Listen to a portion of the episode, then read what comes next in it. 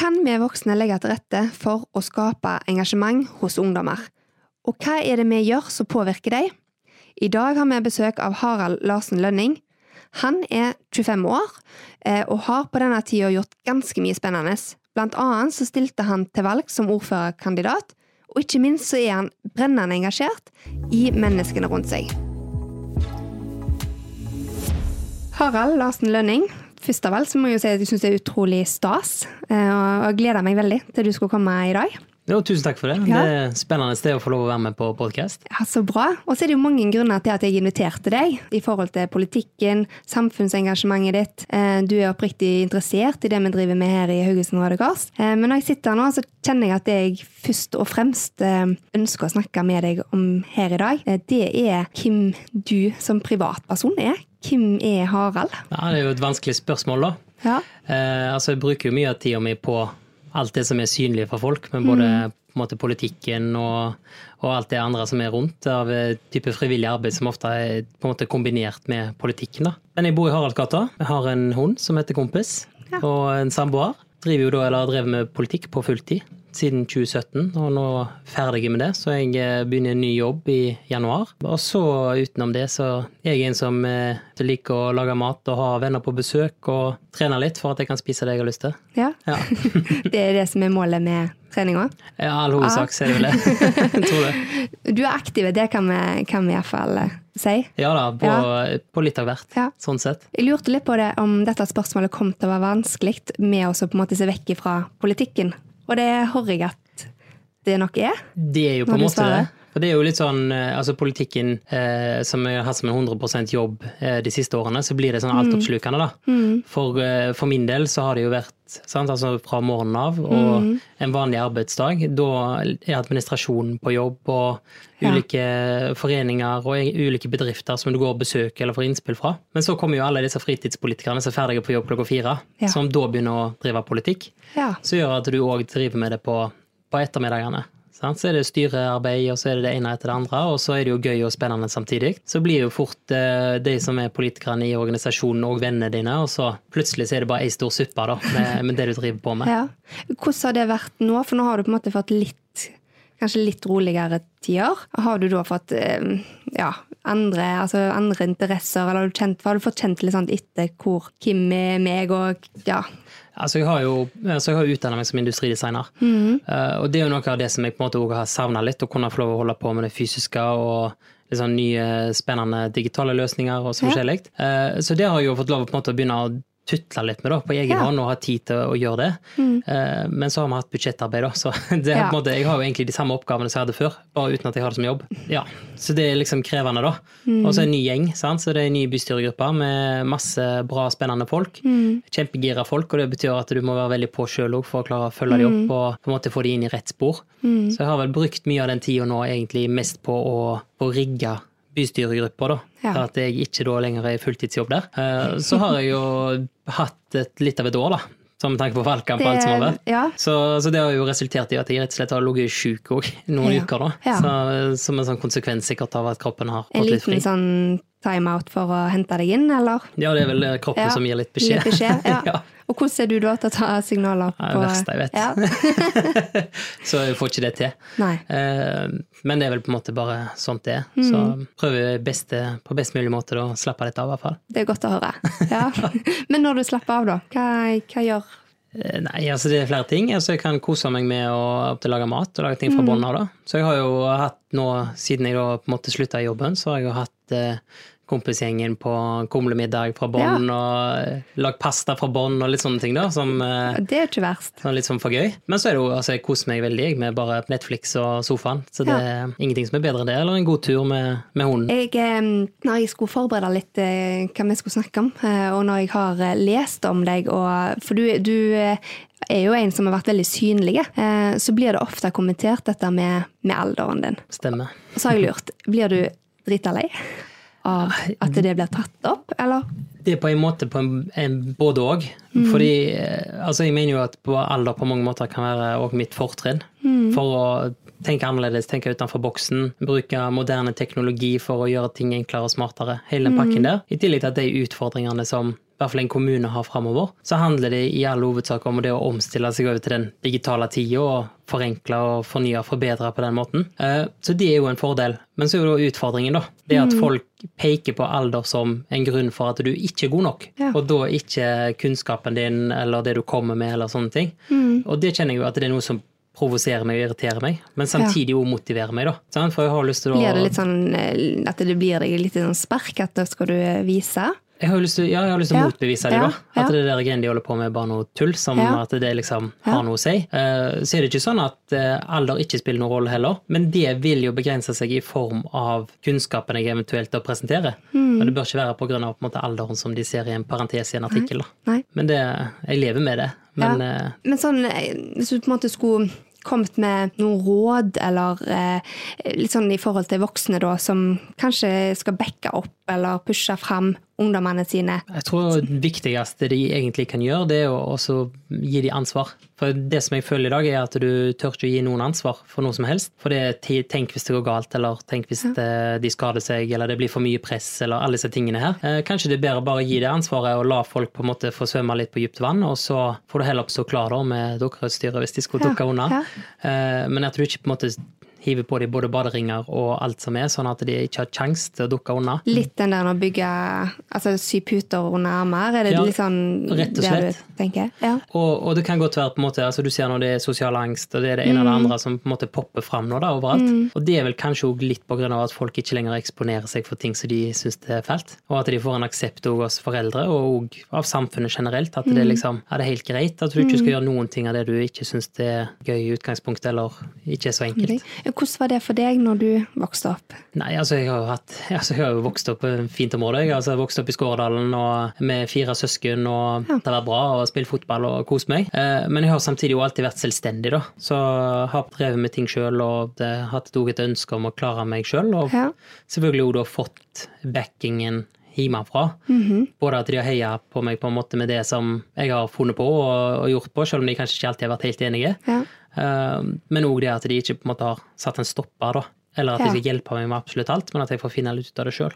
Så jeg tror rett og slett det handler om å tørre å altså, rett og slett ha tillit, da. Mm. Og, og delegere oppgaver, delegere ansvar. Mm. Eh, altså ikke òg det å ikke si at nei, at ting er umulig, Mm. men la folk utfordre etablerte sannheter og hele den pakken der. For det er jo ofte en sånn ting som skjer, det er jo at du, eh, du rett og slett sier Nei, det går ikke an. Eh, Og det er et sånn eh, morsomt eksempel som er, det var fra, fra en barnehage her i byen, som nå har prøvd eh, Altså, de skal ikke lage, sette hindringer for barna. Eh, og da har de rett og slett sagt at de skulle skrive et brev hjem til mor og far. Ungene. Og, ungene. Ja. Og så spurte barnehagelæreren spurte barnet hva har du lyst å skrive. Nei, jeg har lyst til å skrive en, eller en stor klem, da. Ja. Sant?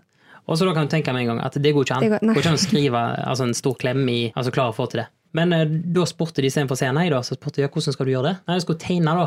En, en unge som står med ermene så brede som mulig, som viste liksom den store klemmen. Og, og det føler jeg er en sånn viktig symbolsak Ja. kanskje som kan vise fra foreldrene òg, at selv om du føler at det er umulig, Ja. så la de nå prøve, da. Ja, ja. Og så kan det være at de løser på en ny måte. Det må jo være verdens flotteste brev å få.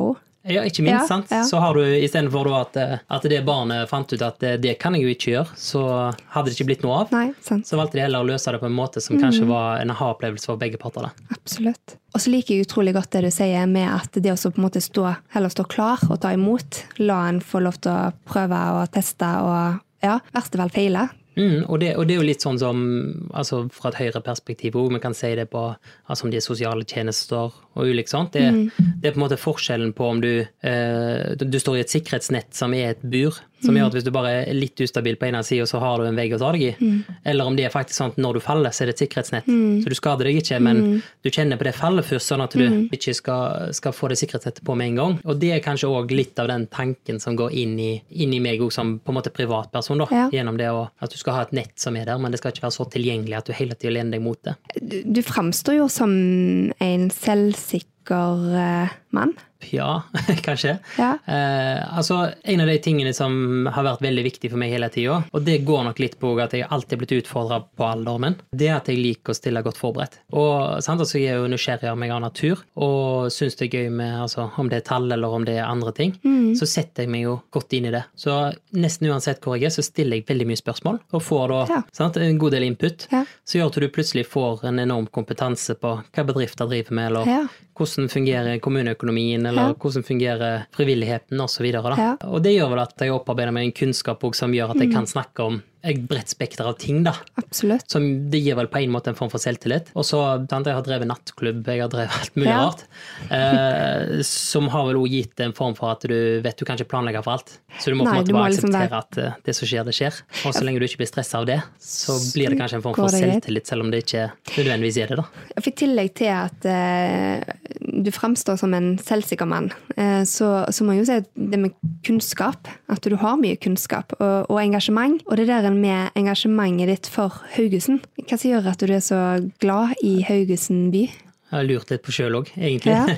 altså Det er jo en patriotisme som ligger i bånn, som jeg føler på en måte og egentlig veldig mange haugesundere har. Ja. Og det som jeg syns er det aller fineste med Haugesund, det er vel at jeg føler at det er stort nok at du på en måte får alt du trenger. Men allikevel lite nok til at når du går Haraldsgata, så finner du alltid noen å hilse på. Ja. Og det er kanskje en sånn, det er en sånn unik ting som viser litt om størrelsen vår. Og så liker jeg den der patriotismen som vi viser på sånne eksempler som om det er en type nå når det er cupfinale. Ja. Da er plutselig alle sant, FKH-fans, eller ja. når vi skulle vinne korslaget. Ja. Da skulle alle stemme fram Haugesund, eller eh, når vi kunne bli den dyreste byen på monopol. Da skulle vi bli det, og det, da ble vi det. Og det viser litt den styrken som finnes i Haugesund og Haugalandet. da. Når vi, jobber, når vi går i takt, da er vi de sterkeste kanskje i landet, men uh, veldig ofte så bruker vi mye tid på å krangle, da. Istedenfor. Men du, du, nevner, du nevner Haraldsgata, og det òg tenkte jeg på her en dag. For det, vi springer jo fort gjennom Haraldsgata, og så tenker jeg Harald, hvor lang tid bruker du gjennom Haraldsgata? Altså, Kjæresten min er ikke så Veldig- veldig glad i å Nei. gå med meg i Haraldsgata. Eh, Det tar litt tid. Eh, Men så syns jeg det er gøy òg, sant. Så når jeg stopper oss og møter noen som jeg ikke har snakket med på en stund, så tar jeg og slår av en prat. Så Ja. Jeg må ofte legge inn litt tid. Du kan ikke liksom ha et møte i andre enden som begynner om tre minutter? Jeg får jo av kompisgjengen i hvert fall, så får jeg vel høre at jeg ofte er litt eh, treg. Litt Ja. and slow. Eh, Men det er jo ofte fordi sant, du har eh, planlagt at dette skal gå akkurat, og så, Ja. og så kommer den personen da, som du vil snakke med, og så, Ja. og så ender det med at du, du blir litt forsinka. Men den beste løsningen på det er rett og slett ta på seg Bose-headsetet, og så gå igjennom, for da, da er du liksom tett pakka inn, og da ser folk ok, greit, han, Han er Ja. Men det verste er jo da hvis du har, eh, hvis du har for sånne, bare en liten propp i øret, Ja. snakker i telefonen, og så kommer det noen mot deg, og så tror de at du snakker med deg, Med det, ja. og, og så blir det, ja, det blir alltid kleint. Havner du i mange sånne situasjoner?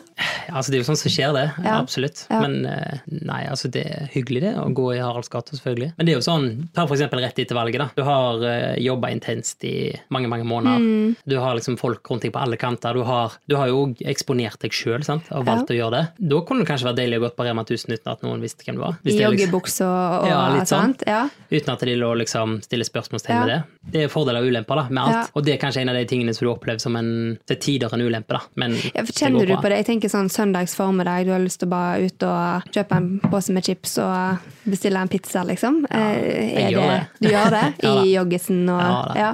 Eh, Jeg skjemmes ikke, jeg. Og jeg bor jo i Haraldsgata, så det gjør at jeg Ja. går i treningsklær der og jeg går i joggebukser og Ja. alt som er. Og det tenker jeg at det er jo på en måte en del av det å være meg, da. Ja. Men det er kanskje noe jeg kjente på enda mer i valgkampen, i form av at jeg eh, da skulle kanskje oppleve som eldre enn det jeg var, og da at jeg kanskje lot være å gjøre noen av disse tingene, da. Ja. Som, eh, som var kanskje en bevisst ting, men som nå når det er over, så er det bare å kjøre på. Ja. ja, for Var du bevisst på det da? Altså, er det sånn at du, Ja, jeg var nok bevisst i en mye større grad, og det, det går på liksom, altså, hvordan du kler deg. Hvis du tar på deg en T-skjorte, eller om du tar på deg Mm. ei skjorte, så er det en liten forskjell i hvordan du oppleves. Jeg har hørt at altså, For oss damer som har langt hår, så er det noe med hvordan du har håret, og hvilke klær du har, og Mm. settingen. og det var litt, um, Så det var litt artig å høre at, um, Ja, altså at det kan være en, bevisst for det for dere en gutt med og uten voks, det er to forskjeller òg. det er noen år forskjell der. Du har voks og skjorte i dag, ser jeg. Jeg har det. Ja. Så det er, sånt, det er jo sånn det er blitt òg, da. ja. Eh, Men så har jeg jo, altså nå er det vel ti år siden jeg begynte på Li, så jobba jeg jo der i noen år. ja. Så det gjorde jo at jeg, eh, når jeg på en måte i den unge alderen der òg. Så var det det at du, når du skulle selge, skulle selge dresser og selge ting til godt voksne menn, kanskje, Ja. og til en høy pris, så måtte du der opp kanskje kle deg til å være noen år eldre. Kunne og- ikke stå i utslitt eh, Adidas T-skjorte. Nei, kunne ikke det. Nei, Hadde en streng sjef der òg som Ja, det- hun passet på at eh, alt var i orden. du har jo vært et veldig kjent fjes i veldig mange år her i byen. Mm, Blant annet altså, da fra Li og ja, nattklubb og Ja, jeg har jo drevet med litt av hvert. Ja. Eh, ja, det begynner vel kanskje å bli det. At det blir et eh, tryne, på en måte. Ja. Det er jo på en måte ikke noe bevisst i det. Det er jo bare at det er altså, veldig dårlig på å si nei. Sant? Så ta imot de der mulighetene Ja. som kom eh, Ja. Mm. svevende, og så prøve å gjøre noe best ut av det. Og så blir jeg jo så Jeg blir så gira, da. Som gjør at det ofte så, så ja, så blir det kanskje mye. Ja, og så da får du litt sånne perioder som du kanskje har hatt nå, da. Som du sier at en trenger å på en måte ligge på sofaen og la kroppen få hente seg litt inn nå. Det blir jo, det blir jo litt sånn. Kjøre på, og så 110 og så blir det en liten stopp, og så er det 110 igjen. Ja. Det er jo en litt sånn interessant ting, og det er ofte at når Altså, det gjelder nok alle i livene du har, så er det liksom sånn at du, du jobber kanskje intenst med et arbeid, da. Og jobber, så er du jobber i et år, da, for Altså med flere ting. Du jobber ganske intenst, og så plutselig så er det mange ting som løsner på en gang. Så er du ja, får en god meningsmåling samtidig Ja. som i? Altså, jeg, jeg sitter som styreleder på Gründerloftet. Ja. Så ser du samtidig du hadde fått inn penger der, Ja. det er støtte, og så får du én ting til. Og da, da utløser Skjer det noe at. Ja, men det gjør at du svever på ei bølge, da. Så gjør at du kan ta deg inn igjen egentlig i de toppene der folk tror du er mest aktiv. Ja. For du har jobba fram et resultat. Ja. Og det er vel noe som jeg opplever som går litt sånn i bølgedaler. da. Mm. At du vet liksom det at òg når ok, nå, nå går det litt for godt, Ja. at nå er det bare å forberede seg på at nå blir det noen, eh, noen måneder med hard jobbing, da. Ja. Mm. Du virker utrolig bevisst. Det er liksom ikke veldig mye tilfeldig sånn rundt de tinga. Jeg vet hva jeg tror jeg, Det tror jeg er det verste av alt, fordi at det, det er så mye av det som er Er tilfeldig. Er det det? Ja, det Ja. er det. Uh, så det er på en måte en litt sånn vanskelig måte å beskrive det på. Jeg hadde altså Nils Konrad Bua, da, som har Kondor. Uh, mm -hmm. jeg sa det til han, at det er jo imponerende hva du har fått til på så få år, å bygge Ja. tre butikker og hele den pakken der. Og så sier han nei, jeg nei.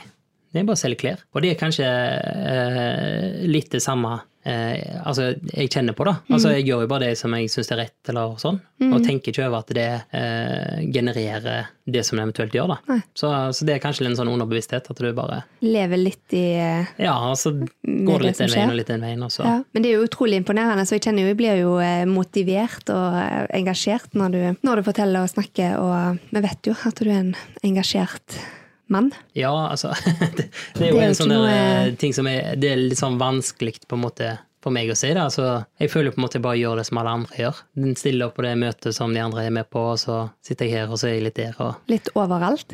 Ja, det blir jo litt Ja. sånn, men samtidig så er det jo fordi det er gøy, da. Og det er jo altså, masse sånne ting som popper opp da, som en konsekvens av at du har sagt ja til noe helt annet. Ja. Og det er jo det som kanskje er interessant, og ikke minst er menneskene da, som du gjerne eh, møter på veien, og så Mm. blir det et vennskap, og så baller det på seg igjen. Mm. altså. Hvis du på en måte skulle gitt noen råd til ungdom, til dagens ungdom Det som jeg tror er på en måte det aller viktigste, det er at de nummer én, altså de rett og slett forbereder seg godt. At de er forberedt, og at de setter seg inn i det de skal drive med. Uh, nummer to er at de må rett og slett de må tåle litt hets. Når du tør å stikke deg fram, så ender det med at folk har en mening om deg. Og så kan du si at eh, noen ganger er det positive, noen ganger negative, og så er det faktisk de mest negative du hører, hører best Mm. sjøl. Det er jo bare sånn kroppen er lagd. Eh, så det må du på en måte du må tåle litt. Og så tror jeg du skal tørre på en måte å, å utfordre etablerte sannheter. da.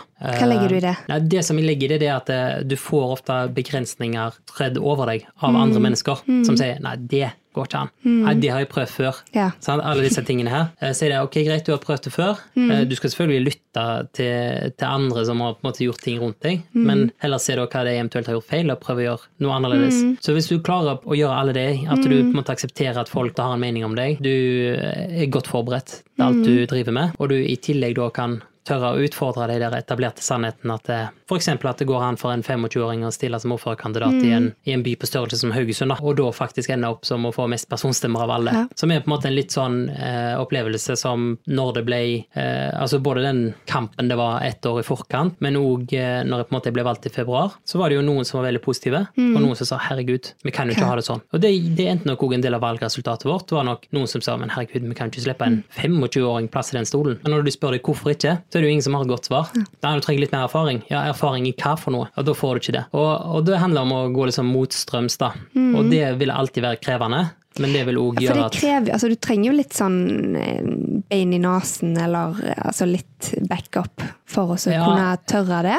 du må det, og, og det er jo der jeg på en måte har vært heldig da, med både familien min og vennene Ja. mine og den greia der, at jeg har, jeg har et nettverk rundt meg som Mm. ja, kaller det sikkerhetsnettet, da. Som jeg vet at eh, ok, hvis dette går skeis, så, Så står det noen der og så står det noen Ja. der som syns det ja, kan le av det. Vi har jo blant annet eh, i kompisgjengen så har vi en sånn pris vi deler ut en gang i året. Okay. Som vi kaller for Årets nød, da. Så det er han som har gjort den verste tingen i løpet av et år.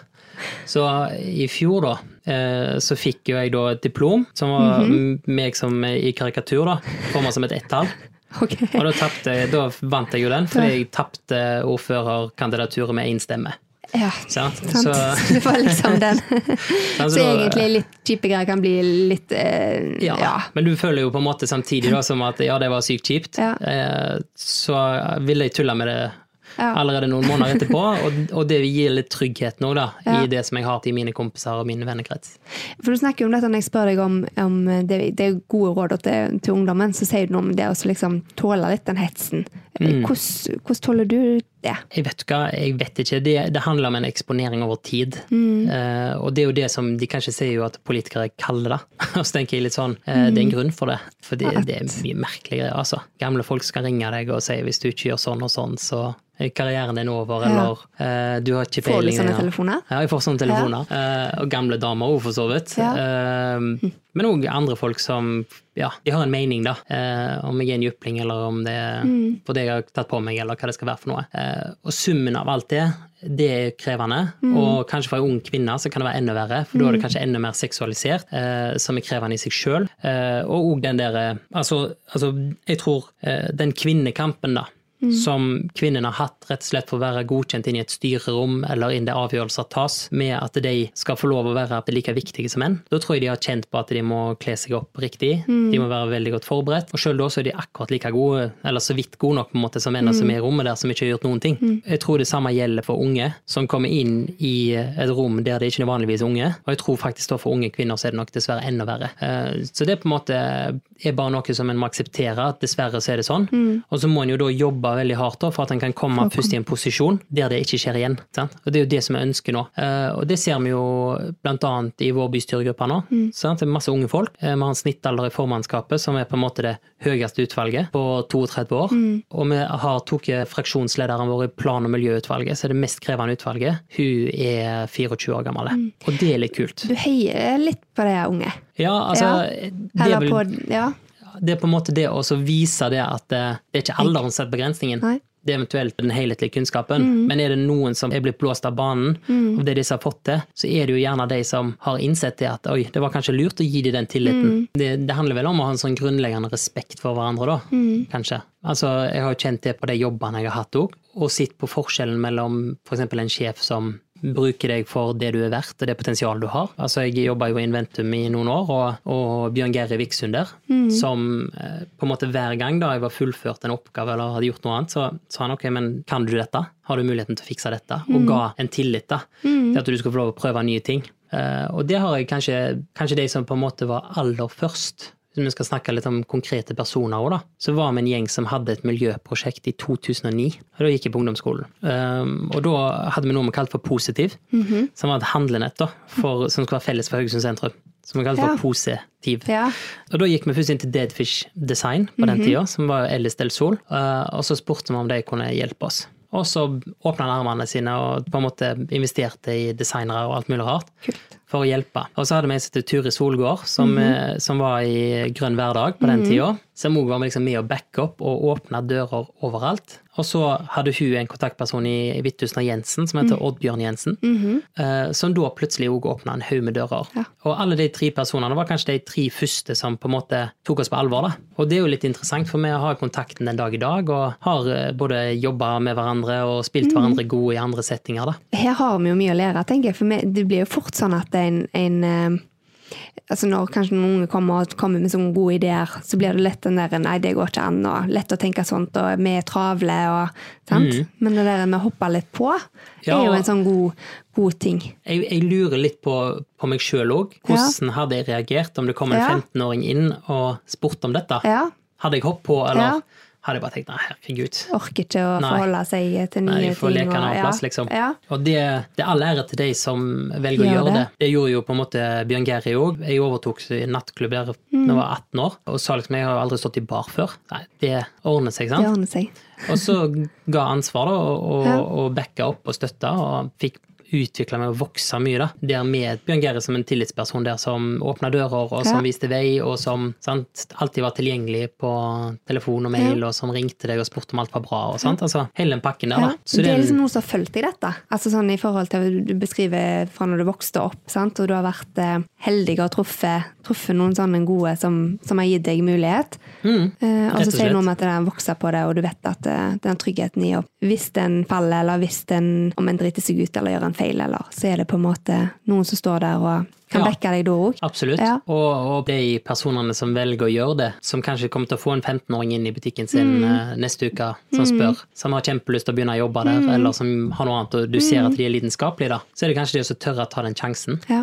Eh, Satse. Ja, rett og slett. Ja. Men så gjelder det òg like mye for den 15- og 16-åringen, da. Eller om man er 18 eller 20. Så handler det jo om at du skal ikke bare stille opp der og forvente at alt skal Mm. komme mot deg, men det handler jo om å levere, da. Kan skjønne det. Ja, det synes jeg var, og jeg syns du kommer med sånne gode tips eh, til ungdommen og til de som skal backe opp. For det, det er jo klart at det er noe viktig som, som vi må ta med oss med voksne rundt. Ja, absolutt. Altså Det er det jeg i hvert fall har kjent på sjøl, at det kan være Mm. Ja. Mm. noe av de tingene som, som jeg kanskje opplevde da, som litt sånn unikt eller annerledes, som gjorde at jeg fikk det, det spillerommet for min del. Ja. Altså Jeg har for eksempel, jeg har aldri søkt på en jobb i mitt liv. Aldri. Aldri søkt på en jobb, Nei. og har hatt jobb siden jeg var ti år. Og det er jo en sånn interessant ting, fordi jeg har heller ikke da speidet noe nytt, men så har det kommet en mulighet, og så har du sagt ja. Ja. Og så hvis den da ga meg mer enn Mm. den gamle jobben, så gled det litt over i at eh, det ble Ja, litt mer, og ja. da etter hvert så slutta du kanskje den gamle jobben, for den nye var mer spennende. Og så har det utvikla seg sånn nå, da. Og det er på en måte òg det som gjør det litt sånn spennende, fordi det Mm. Betyr at det på et tidspunkt, da, flere ganger, så er det jo noen som har sett og verdsatt det arbeidet du har gjort, og så har de hatt lyst til at du skal prøve å ta deler av det arbeidet inn i deres virksomhet. Ja, ja. Og det gjør nok òg at jeg kanskje har vært heldig med å kunne treffe noen av disse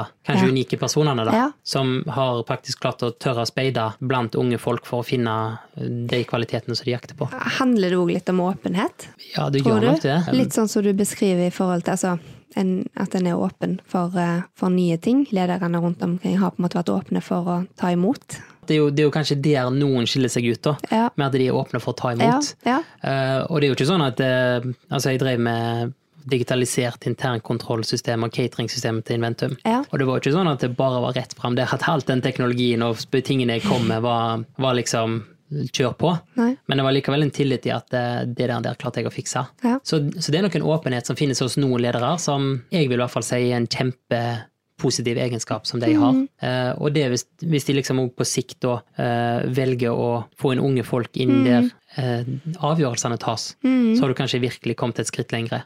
Og det vet jeg jo at sånn som Inventum som et eksempel, de har gjort det. Men vi hadde òg en, eh, sammen med Næringsforeningen, så hadde vi en, en ten minutes, som det heter, som Ja. var en eh, fire stykker som, eh, som hadde ti minutter hver, der vi skulle gi et budskap Ja. fra, den, fra den unge generasjonen til den eldre.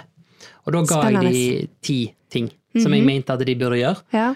framover for å være attraktive for unge arbeidsgivere, Ja. eller, og òg altså, hvordan de skulle begynne. Ja. Og en av de var at jeg sa at de burde ha en person som er under 35 år, Mhm. der beslutningene tas. Og i disse dager så starter faktisk Sjøfartsdirektoratet opp med opplæringen av personer under 35, Ja. som nå går inn i både ledergruppa og alle underavdelingsledergruppene. Ja. Og det var fordi de satt og hørte på, På det. I, i, det, i det rommet. Men Harald, hva gjør det med deg, når du nå vet at Ja. Nei, det er jo liksom måte, noe- det er kanskje det som på en måte gjør at jeg òg fortsetter, da. Ja. Fordi den følelsen da, av at faktisk at det, det sitter et direktorat og hører på deg, som tar de innspillene og gjør det faktisk om og sier at det var lurt, ja. det er jo motivasjon i seg sjøl, sant. Så, Den ser jeg. ja, så det Ja. har vært veldig Det må jo gi en sånn ekstra giv. Ja, og det er kanskje ja, det er kanskje Veier jo det det- opp imot, for du forteller jo om at altså, du får jo pes av å stikke nesen fram og, og på en måte òg framstå som, eh, som en selvsikker Ja, ja. Eller Nei, altså, en cocky ja. ung Ja, gutt. altså du, ja, men det blir veldig fort at altså, du leverer deg jo litt eh, Ja, fram. Ja, altså eh, Det er helt sant. Altså, det er fordeler og ulemper med å gjøre det. ja. Um, det vil det nok alltid være.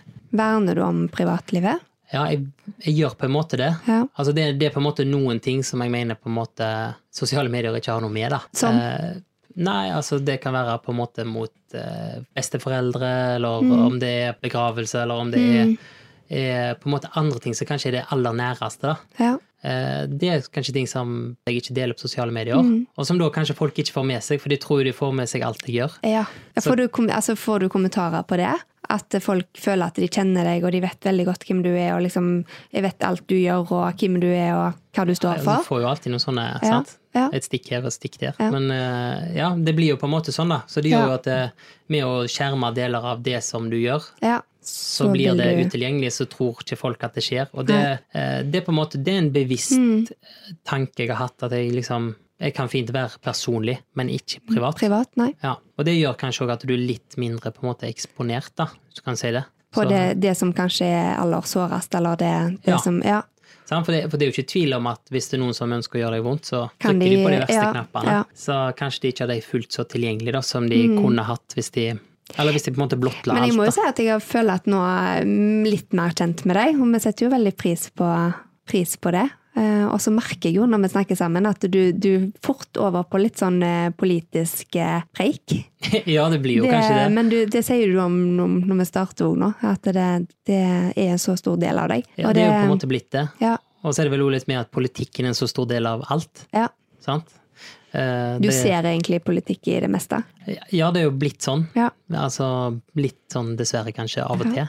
Ja. Men eh, det er jo kanskje det som gjør at jeg syns det er gøy å holde på med politikken òg. Mm. Det er jo den der en ser at du kan gjøre en liten forskjell for noen, da. Og så når du ser det i øynene på deg, så ser du sant? Altså den gleden det har gitt. Ja. Og så er det en motivasjon i seg sjøl. Det er på en måte både å la være å høre på alle de kommentarene Andre som kommer, eller noen av de rare telefonene som kan Ja. komme, eller når du har jobba intenst med en sak, og så er det ingen som gidder å lese den, og så blir den bare nedstemt. Altså det er jo mange sånne ting, da. Ja. Men, men så ser du at det kanskje er verdt det, da, fordi at eh, du gir noe tilbake. Og det er, den, det er jo den følelsen av Altså om det er en følelse av mestring, eller om det er en følelse av noe annet, da, som, som er vel kanskje noe av det som driver meg mest. Vet du hva jeg tenker når du, når du forteller dette? Eh, så tenker jeg jo veldig på raushet. Og, og det er jo det podkasten Altså, podkasten vår heter jo Raus. Og jeg tenker du beskriver utrolig mye raushet eh, rundt deg, Ja, altså, og, og fra deg. Jeg sy- syns jo det på en måte er altså, det, er jo, det er jo hyggelig at du sier det, men jeg, jeg, jeg føler jo ikke på det sånn, sant. Jeg føler jo bare at eh, jeg gjør det som jeg forventer meg, eller det som er gøy, eller Og så er det kanskje at det ender med da, at eh, for noen som så vil det jo være til hjelp, og for andre så vil det ikke være det. Men har du vært i noen situasjoner der du har opplevd folk rundt som, som ekstra som rause? Altså, jeg har jo noen av de personene som jeg har snakket om, Snakket om, i, eh, ja. Mm. så langt, med, med på en måte som kanskje begynte da i si 2009, når jeg fikk disse Oddbjørn og Turi og Ellis som ja, hørte på og Mm. Ja. lytta etter det vi ville og Ja. syntes det var spennende, så ga oss muligheter videre Ja. der. Um, og på en måte sånn som Bjørn Gerry, da, som Mm. er en person som jeg har jobba med i flere år Ja. som kunne komme på å ringe meg når jeg satt på og studerte i Trondheim for å lure på hvordan det gikk med studiene. og eh, Det på en måte, det viser en sånn der eh, respekt for mennesket. Ja. Uh, Og så er det jo sånn som, uh, som Lars, som nå gikk bort, Mm. som også viste raushet på en måte at han altså han så jo på alle politiske møter. Mm. Så han kunne jo, enten hvis du møtte han, eller hvis han ringte deg, eller hvis det, du ringte han, så kunne han typisk være en sånn person som, som enten så ga deg et liten sånn, liten sånn stikk, sånn litt på, på løyet, eller, Ja. eller som ga deg en motivasjon. Ja. Det var jo håpløst at de gjorde sånn og sånn, og at dette burde jo gått igjennom, eller Og òg ga raushet i form av at sant, når, jeg var, når jeg var akkurat blitt fulltidspolitiker, Mm. sant, så inviterte han meg inn til årsmøtet til Røde Kors. Ja. Sant, så skulle jeg få lov å være med der. Ja. Og det, det gjorde jo at han i flere sammenhenger òg inviterte meg, som gjorde at kanskje meg som ung, da, der alderen kunne være en utfordring, Mm. ga meg en form for autoritet. ja. Uh, og det er noe av det som Det er jeg er kjent på, da. Og ikke minst bare det å ta noen på alvor, og det var en Mm. mann som alltid på en måte du følte var oppdatert og Visste òg hva du Ja, altså, Når du fikk en beskjed, så var det, eller en tilbakemelding, så var den reell? Ja, Ja. rett og slett. Mm. Og det var på en måte samtidig en, en, Jeg føler at en del av en raushet handler òg om, om kjærlighet, da. Mm. Og liksom, altså klemmene til Lars, for eksempel, da, som et eh, eksempel. Mm. Eh, eller den store mannen der som kan stå på et årsmøte og grine foran en hel forsamling. Ja. Det føler jeg på en måte òg viser en raushet, fordi det viser at du, du gir noe av deg sjøl til et fellesskap. da. Eh, og sant, når vi, vi var på Verdhuset på julaften, Ja. og der òg, sant, så er Ja. det, det er noe med den der helheten når du ser noen gir av seg sjøl på en sånn måte. At de gir ikke bare med hendene sine eller armene sine, altså et eller annet sånt. De gir med hele hjertet, og hele kroppen sin. Mm. Uh, og det, det finnes det flere av. Jeg har på en måte Nils Konrad Bua, som er en av mine støttespillere i politikken, som har hele tida, sant. Mm. Ja. Er med og drar opp og drar opp, og så når det er litt for mye, så gikk jeg litt ned igjen. Ja. Sant? Og, og Gudvin Selsås er også en av de personene Ja. som jeg har støtta meg på. Som? Han har jo starta med TV Haugaland og Inventum i Ja. sin tid, og Ja. nattklubber og alt mulig han har drevet med. Ja. Og en sånn fin mentor som kan på en måte Han kan bygge deg opp og jekke deg ned på en og samme tid. Og Det er jo føler jeg en form for raushet, for du deler av Både sikkerheten og men på en måte den pushinga som, som vi har snakket om i forhold til rett og slett. Mm. Og, og ha et ønske om at andre skal lykkes. Det er på en måte kanskje noe av det jeg sitter igjen med da, som en sånn felles benevnelse på Det syns jeg vi alle skal tenke. Og ønske ja, bygge hverandre opp. mm,